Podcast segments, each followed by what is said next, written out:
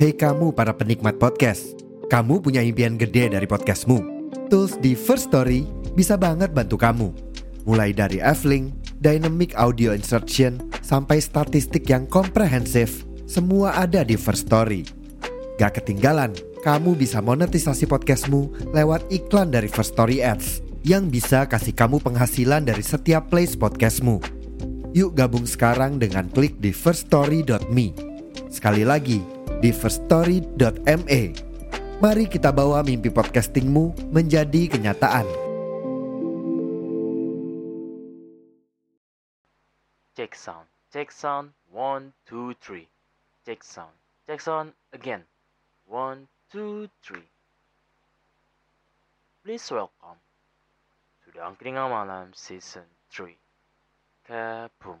Boom, boom, boom, boom, boom, boom, boom.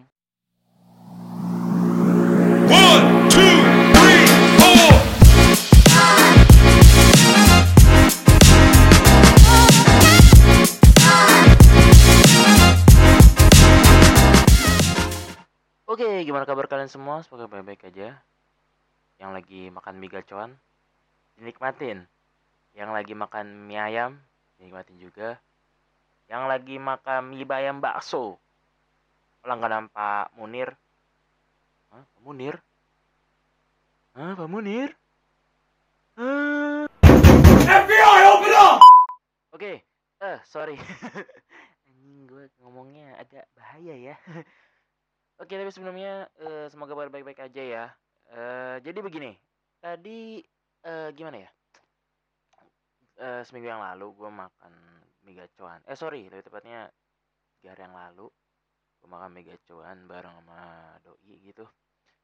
Eh, gue melihat ada suatu tempat, you know lah, tempat makanan ini tuh legendaris dan tadi gue juga udah disebut di awal, namanya itu adalah mie gacoan.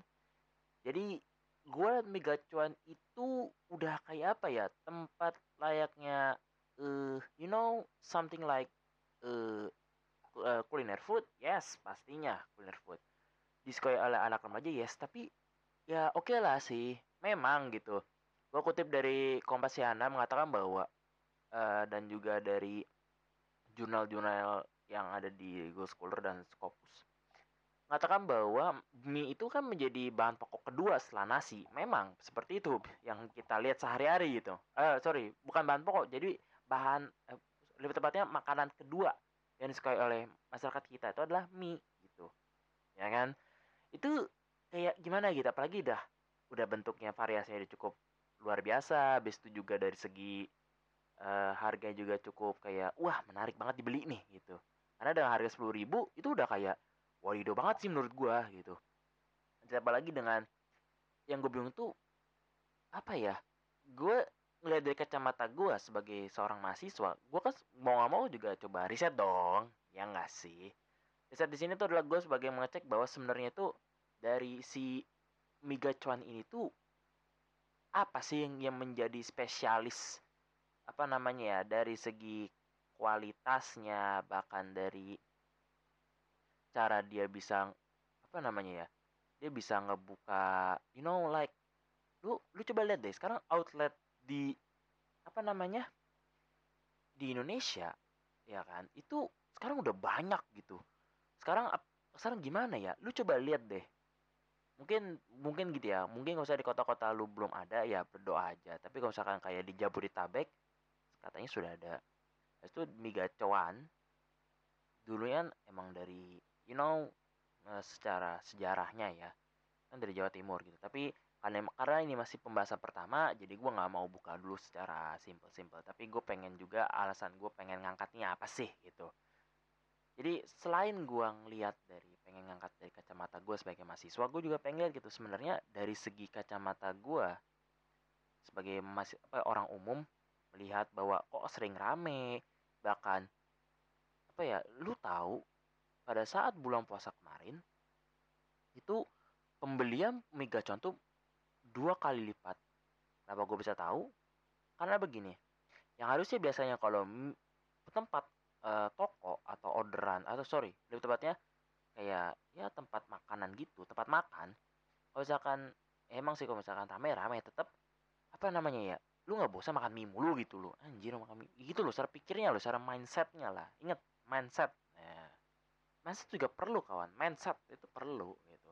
Apa ya lu tiap hari makan mie? Kan enggak. Tapi anehnya tuh rame mulu gitu. Aku bingungnya oke lah murah tapi lu pikir nggak secara kesehatan lu gimana? Gitu loh. Itu gue bingung. Dan gue juga pernah itu mengkritisi kepada doi gue sendiri gitu. Dan dia malah bilangnya ya biarin. Itu suka-suka saya suka-suka aku. Apa harus kamu atur? Jadi kayak oh the hell's going on here. Kok Miga Chan sudah mengatur otak dari do- doi gua gitu? Jadi ya aneh gitu.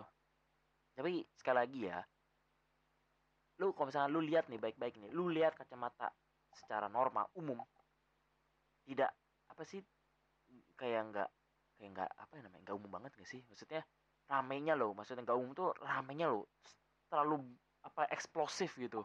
Meskipun oke lah mau dia keadaannya kayak sepi pun gak gak kelihatan kayak orang sepi gitu. Kan kalau sepi tuh ibarat kata kayak ya udah datang 2 sampai tiga orang atau enggak sih 10 orang atau enggak ya 20 orang itu masih dikit gitu Ini dikitnya masih bisa kayak ya Allah tetap gak bisa kehitung jar. Eh sorry lihat tempatnya nggak bisa nggak bisa apa namanya ya ibarat kata lu datang meja sama kursinya tuh masih tetap penuh gitu. Gue maksud dalam konteks mungkin terlihat kayak agak sedikit kayak kok aneh gitu gimana? Maksud gue kayak gini loh rame di situ kayak meluber loh antriannya kayak gitu. Lu ngerti gak sih? Kalau sepi itu antriannya pun gak luber tapi tetap penuh isinya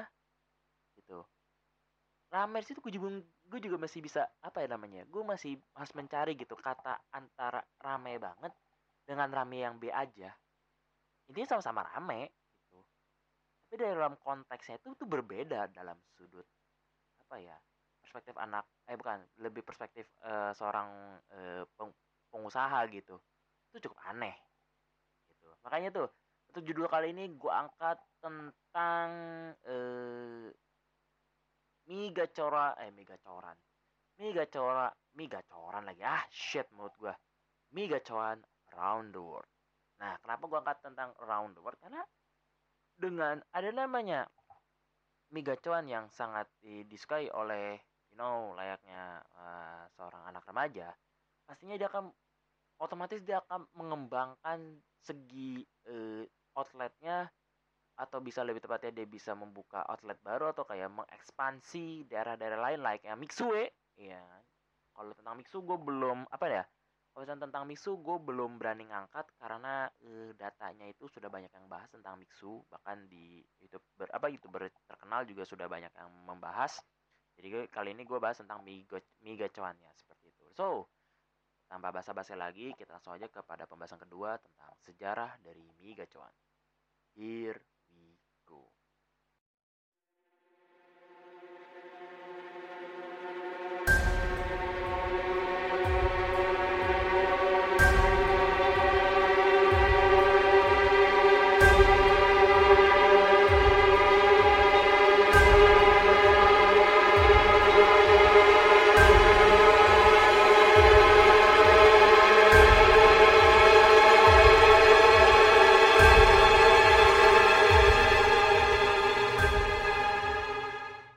Oke, mungkin kalau misalkan kalian merasa apa eh, transisi yang sebelumnya itu agak sedikit eh, apa namanya eh, alay atau apa apa apa karena ini kan masuk dalam sesi sejarah seperti itu. Tenang aja, episode kali ini sebenarnya nggak serem, cuman editor gua agak sedikit kayak bangke gitu. Memang editor gua butuh naikin gajinya. Sabar ya, editor sabar. Nanti dinaikin gajinya. Kalau misalkan monetisnya gede gitu. Oke. Eh tadi gue lupa. Mie sejarah eh mie sejarah. Mie gacuan sejarahnya. Jadi begini. Jadi secara sejarah itu mie gacuan itu bermula dari eh, legenda di kota kediri di jawa timur ya kan. Mie gacuan pastinya. Itu dikenal dibuatnya itu oleh namanya tuh mbah gaco atau abah gaco. Nah siapa sih mbah gaco ini?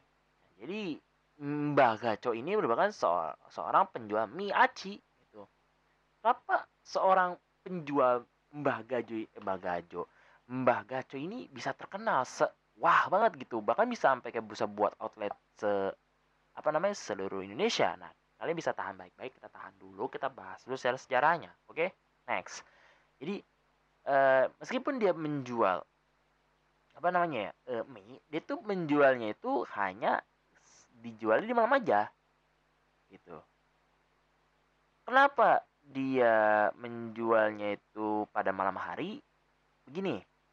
Kalau misalnya dijual di pagi siang hari eh banyak namanya itu penjual. Maksudnya dia itu ada eh, apa namanya ya dia itu mencari waktu ini mana tuh tidak ramai para penjual penjual lain. Maksudnya kayak mungkin kayak somai atau soto atau nasi uduk lontong sayur ataupun yang lainnya. Ini mana tuh kalau misalkan andai kata nih mie ayam contoh gini gua ambil satu satu apa satu apa namanya nih aduh mie gua error.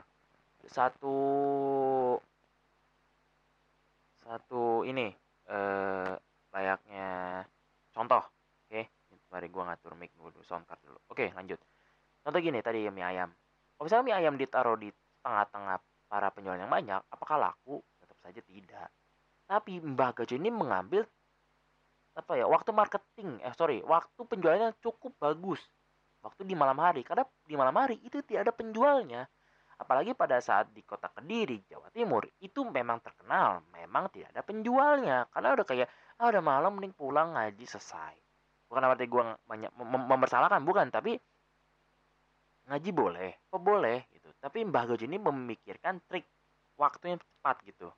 Ya kan? Nah ini gue lanjut lagi itu menjual itu di sekitar sekitar jadi kayak keliling loh. Jadi awalnya keliling ya kan. Terus itu dia apa ya ya udah standby gitu di tempat itu. Jadi orang-orang yang kayak wih gue pengen beli mie nya mie aci nih punyanya Mbah Gaco. Wah di sini nih? Ah, OTW ke sana seperti itu. Dan itu menjadi satu hal yang kadang gak pernah kita apa ya namanya ya tidak pernah kita eh, telisik. Maksudnya eh, bukan telisik sih kayak kita pahami oh ternyata yang kita jual di malam hari itu worth it gitu. Sebenarnya worth it tapi di sisi kita ambil dari sudut pandang ekonomi ya kan? Gue ngutip dari jurnal ekonomi eh, nasional sorry eh, jurnal ekonomi mengatakan bahwa penjualan terbaik itu adalah ya sebenarnya di pagi hari ya kan? Dari jam 9 sampai jam 10 jam 1 sampai jam 3 jam 5 sampai jam 6 nah, itu adalah istirahat tapi kita boleh iklan. Di antara jam berapa? Di antara jam 7 sampai jam 9 selesai that's it. Tapi kalau Mbah Gaco gue nggak tahu karena gue belum nemu datanya karena biasanya kalau misalkan eh, penjualan itu perkiraan gue itu paling sampai jam 10 malam. Biasanya maksimal seperti itu. Jadi ya mungkin perkiraan mungkin Mbah Gaco ini menjual dari jam 7 sampai jam 10 atau mungkin sampai jam jam 1 walau alam. Oke lanjut. Awalnya mie aci ini dijual oleh Mbak Gaco ini hanya dibeli dalam bentuk ya apa ya pelanggannya dikit gitu. Pelanggannya dikit paling hanya hitungannya kayak kita lihatlah mie ayam gitu yang hitungannya hanya cuma 15 atau 10 atau 20 yang sangat setia namun seiring berjalannya waktu mie aci yang dijual oleh Mbak Gaco ini berhasil menarik perhatian banyak pelanggan. Dan the biggest of the uh, prestasi dari Mbak Gaco ini itu mampu membuat pela- para lidah pelanggan ini menjadi memuas Eh, maksudnya men- menjadi ketagihan gitu dalam eh, memakan mie aci buatan dari Mbah Gaco kan? dan ada juga yang memakan mie aci ini pada saat sarapan sembari eh, you know berbincang kepada Mbah Gaco dan ternyata cukup bagus juga gitu dan pelanggan senang karena Mbah Gaco ini orangnya itu sangat ramah penuh humor kan selalu eh, apa tidak takut terhadap apa-apa gitu. Jadi sangat strong banget gitu seperti itu. Dan juga eh, si Mbah Gaco ini jadi dia itu selain eh, ada triknya ini, ini kita bahas trik marketing. Dia tuh sudah pakai eh, apa eh, personal eh, personal market apa personal selling. Yang mana tuh dia tuh sembari dia pemiliknya itu kita sembari ngebahas ya dia sembari eh, humor ya kan, ramah tapi di sisi lain dia tuh menggunakan cara-cara dia untuk bisa mie aci ini yang dia buat itu menjadi disukai oleh banyak orang seperti itu ya kan ditambah lagi mie gaco ini seiring berjalannya waktu itu merekrut beberapa orang untuk membantu menjualkan mie acinya.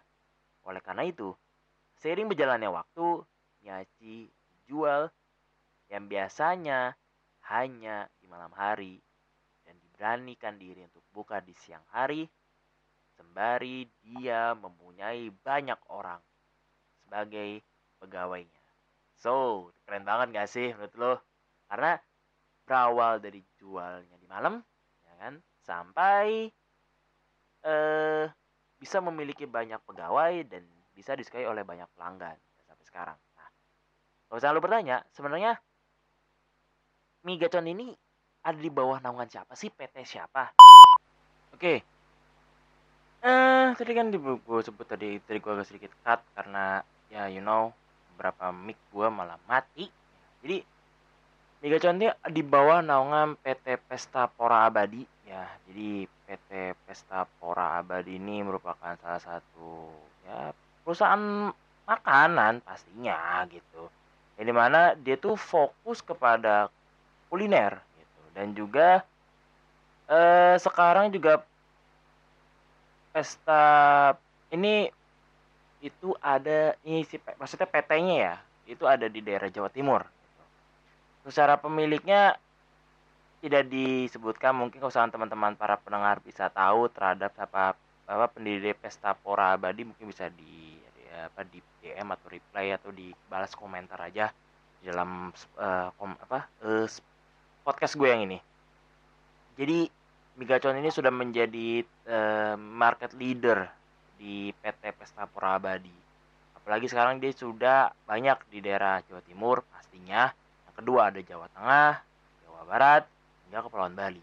Bahkan Jabodetabek sudah hampir me apa ya namanya ya? Sudah meng apa ya? mempolarisasikan gacuan itu. Jadi kayak oh shit motherfucker. Jadi kayak jujur ya, gue baru pertama kali eh, bukan pertama kali pada saat gue balik sebelum gue puasa, gue datang, gue lihat ajakan ke teman gue gini, Fik, oi, cuan yuk, hah, cuan, emang ada gacuan di sini? Ada, baru, baru, di mana? Itu di Cipondo, hah, Cipondo, langsung gue cari, ini gacuan di Cipondo. Eh, ternyata ada cuy di samping Taman Royal 3. Eh, tadi Taman Royal 3 atau 2 ya? Taman Royal 2 lah, sorry. Itu ada cuy. Sebelum ke, Taman Royal 2 itu di kiri jalan itu mie gacoan. Pada saat gua cek ternyata shit. Rame juga. Dan, da- dan pada saat gua masuk, shit. Harganya sama. Dan gue lihat anjir. Nah remajanya banyak juga. Jadi kayak oke, jadi sekarang tempat ngumpul selain clubbing adalah mie gacoan. Jadi sekarang Mega Cuan sudah mengganti posisi dari clubbing. Nah, selamat. Congratulations. Canda-canda. Oke, tapi lu pernah kejadian gak sih bahwa sebenarnya ada kejadian tuh mengira bahwa Bapak Haris Kristanto itu seorang CEO dari eh, apa namanya dari Mega Cuan. Padahal, oh tentu saja tidak kawanku sobat. Dan lu tahu apa yang ngebuat si Pak Haris Kristanto ini eh, bisa dikatakan apa ya dikiranya CEO. Jadi begini, eh gue jelasin dulu kenapa eh, kenapa Pak Haris itu bisa dikatakan CEO ya. Jadi Pak Haris ini merupakan seorang eh, pemuda asal Solo lulusan Universitas Katolik Widya Mandala Surabaya. Dan lu bisa ngecek di link ini ya. Dan dia itu dia itu menjabat sebagai Chief Operating Officer atau di, bisa disingkat tuh sebagai COO dari Liga Cuan. Dan orang-orang menyangka dia itu sebagai pemilik Miga Cuan. Padahal di bio Instagramnya itu mengutip eh bu- sorry, lebih tepatnya dia itu membuat kutipan namanya itu bukan owner Mega Cuan. Lalu siapa founder dari Mega Cuan? Nah, jadi begini. Jadi pemilik atau CEO dari Mega Cuan adalah Bapak Anton Kurniawan. Dia merupakan salah satu founder sekaligus CEO PT Pesta Pora Abadi itu perusahaan yang menaungi merek Mega Cuan. Nah, juga sempat viral tuh teman-teman. karena tidak mendapatkan sertifikat halal yang yang yang sebelumnya loh. Kalau sekarang sih sudah halal alhamdulillah ya, tapi ada perubahan pada saat dia sebelum halal menjadi halal. Nah, kita gua bisa jelasin cara baik-baik nih. Lu bisa dengerin ya. Jadi, dulu pada saat itu masyarakat sempat menanyakan Mbak tentang statusan dari kehalalannya si megacuan itu tuh apa gitu di seluruh cabang di Indonesia. Dan ternyata alasan tak kunjungnya ter, terbitnya sertifikat halal untuk MUI pada saat megacuan adalah ada namanya penamaan brand dan menu yang dinilai MUI mengarah pada sesuatu yang haram, kurang etis, vulgar, bermuatan mistik. Hingga pada saat 1 Desember 2022 yang tahun kemarin, Megacuan secara resmi mengumumkan telah mendapatkan sertifikat halal MUI untuk bahan baku mereka yang digunakan.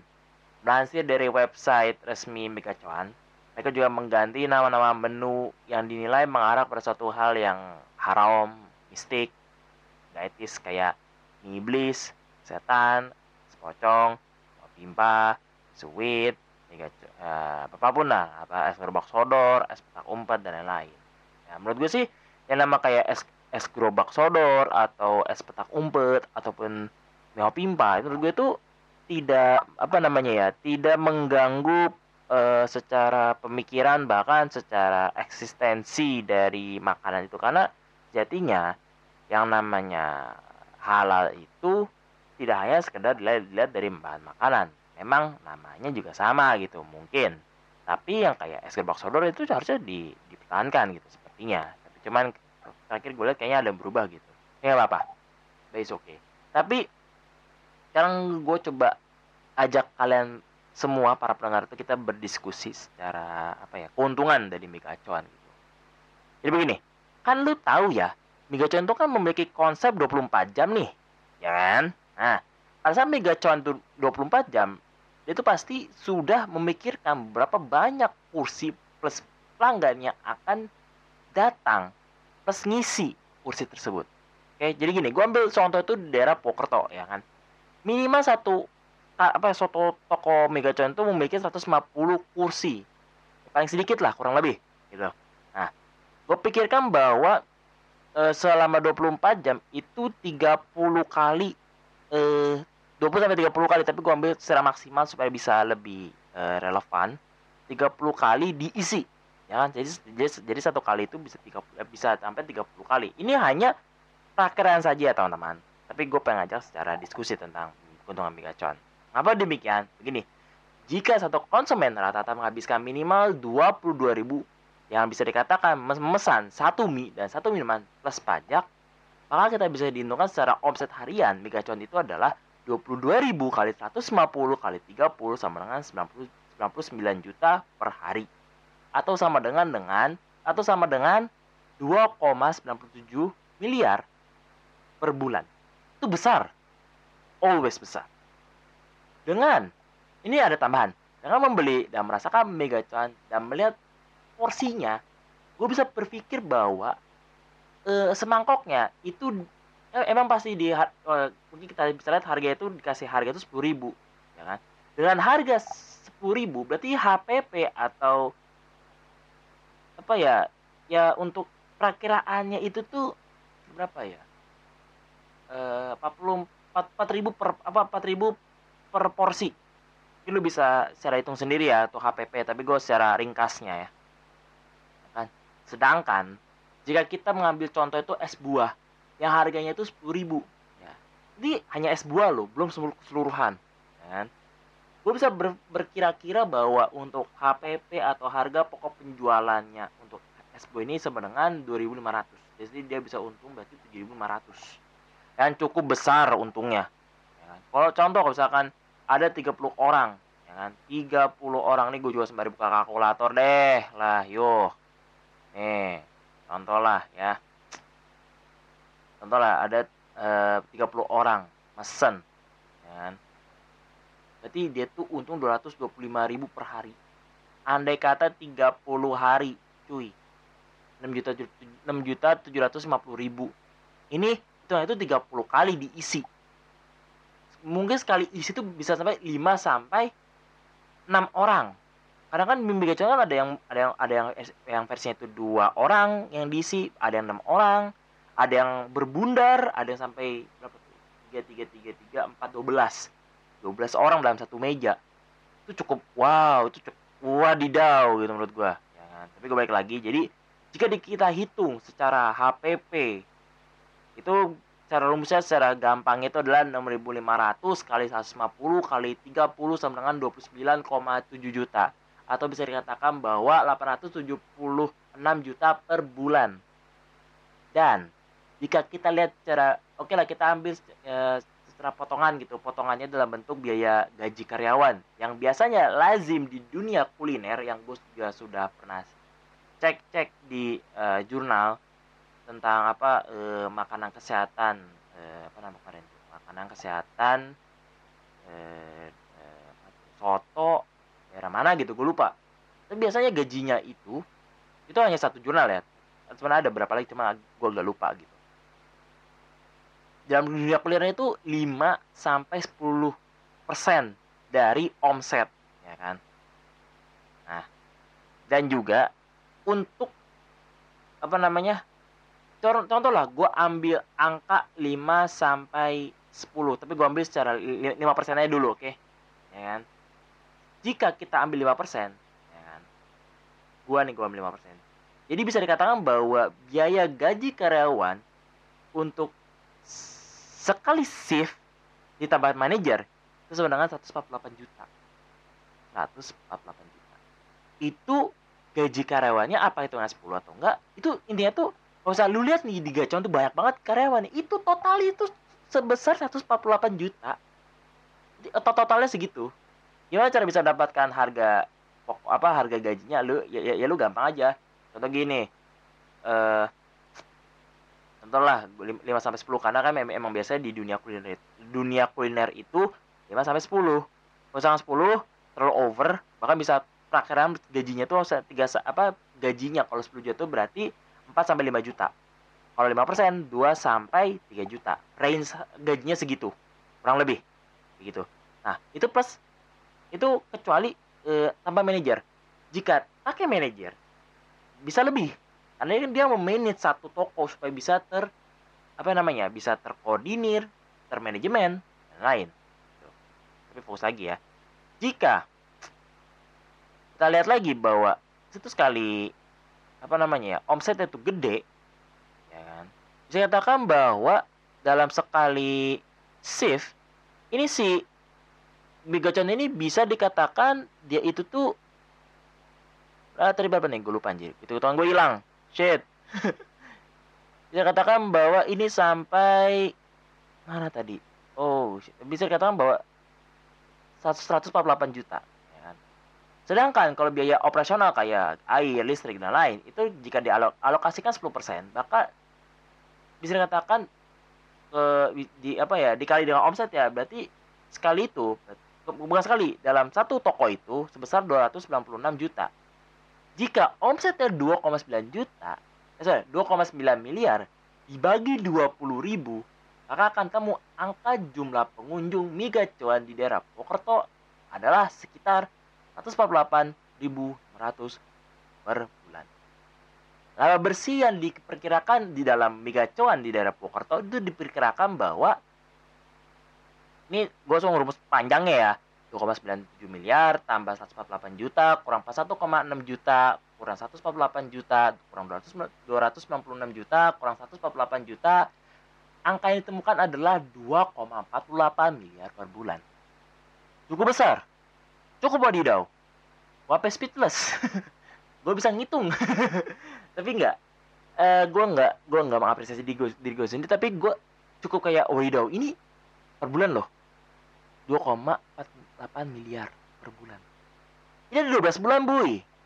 Cuy. 2, salah. 2,48 miliar. Ya kan? Kali. Ada ada 12 bulan. 12 itu ada 12. Berarti itu 12. 12 kali 10. Ya kan? Set. 360 hari. 2 2, 4 8 berapa harganya? Tet, eh 8 892 miliar 800 juta. Gede cuy. Cuy, gede. Gila lu. Tapi overall itulah keuntungan dari Mega Cuan seperti itu. Next kita bahas pada sesi berikutnya. Here we go. Kalian sedang mencari hostingan terbaik dan mudah dalam memonetize. Pas banget nih lo dengerin ini. Karena menurut gue lo cobain namanya First Story. Karena bener-bener nih hosting itu paling terbaik tau nggak? 10 per 10 bahkan 1000 per 10 bahkan bisa sejuta per 10 karena apa? keren. Wonderful worth it. Dan pastinya mudah. Dan ini bisa digunain di semua platform atau semua device yang lu punya gitu. Mau di iPhone mau di mana pun bisa bahkan lu bisa mendetailkan pendengar lu. Dengan cara apa? Lu tinggal gunain aja first story. Lu bisa tahu dari situ. Dan lu bisa mengeksplor semua semua pendengar dari episode-episode podcast lu. Dan sekali lagi jangan lupa gunain first story di device kalian maupun kalian suka. Oke, jadi eh, tes. Oke, masuk. Ah, Oke, jadi begini. Jadi bisa dikatakan bahwa Megacon ini memang menjadi satu primadona yang eh, muncul gitu. Dan gua harap sih eh apa namanya ya Megacon ini gua harap gua harap banget bisa tembus go internasional layaknya kayak you know like eh apa siapa tuh merek brand lokal Indonesia yang sudah go internasional. Oh iya, Erigo, Erigo juga sudah go internasional bahkan sudah banyak itu karena memang Macepat itu adalah di bagian fashion karena fashion itu adalah salah satu apa ya yang bisa sebagai bahan glamor untuk anak-anak atau remaja-remaja yang kurang kita gitu. Dan ya bagi untuk teman-teman gua yang sedang berjuang di bidang like kayak gitu ya semangat berjuang ya patah semangat karena perjuangan kalian masih panjang dan gue juga sama gitu. Perjuangan gue juga masih panjang untuk bisa membuat nah, layaknya podcast gue bisa go go go internasional gitu. Dan bisa diundang sebagai pemateri dan lain gitu.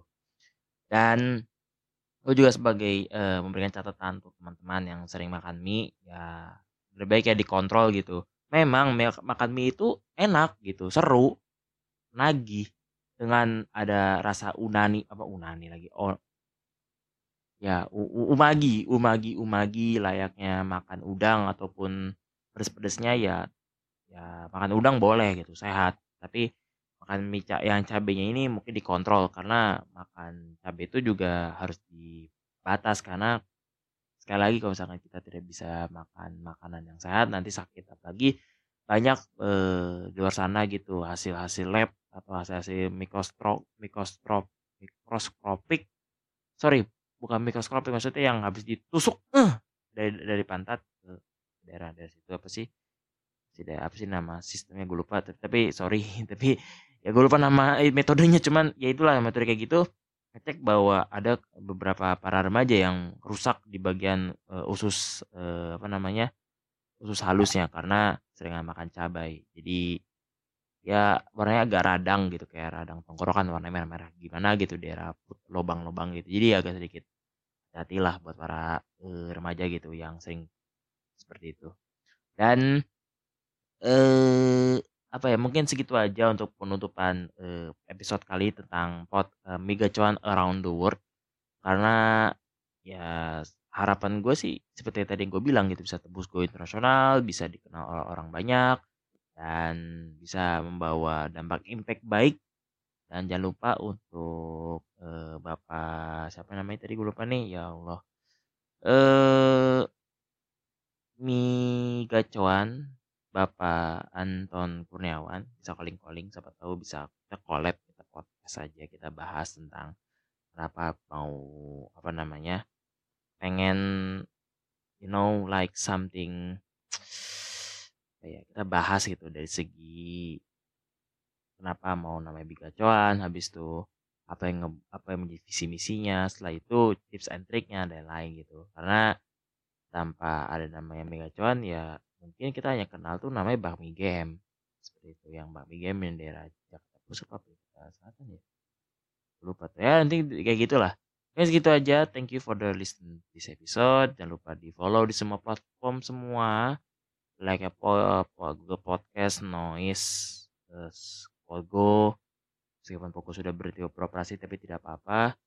Habis itu tempat-tempat lainnya. Sekian dan sampai jumpa di episode-episode berikutnya dari Angkringan Malam Season 3. Ya, boom, boom, boom, boom, boom, boom, boom. Bye-bye.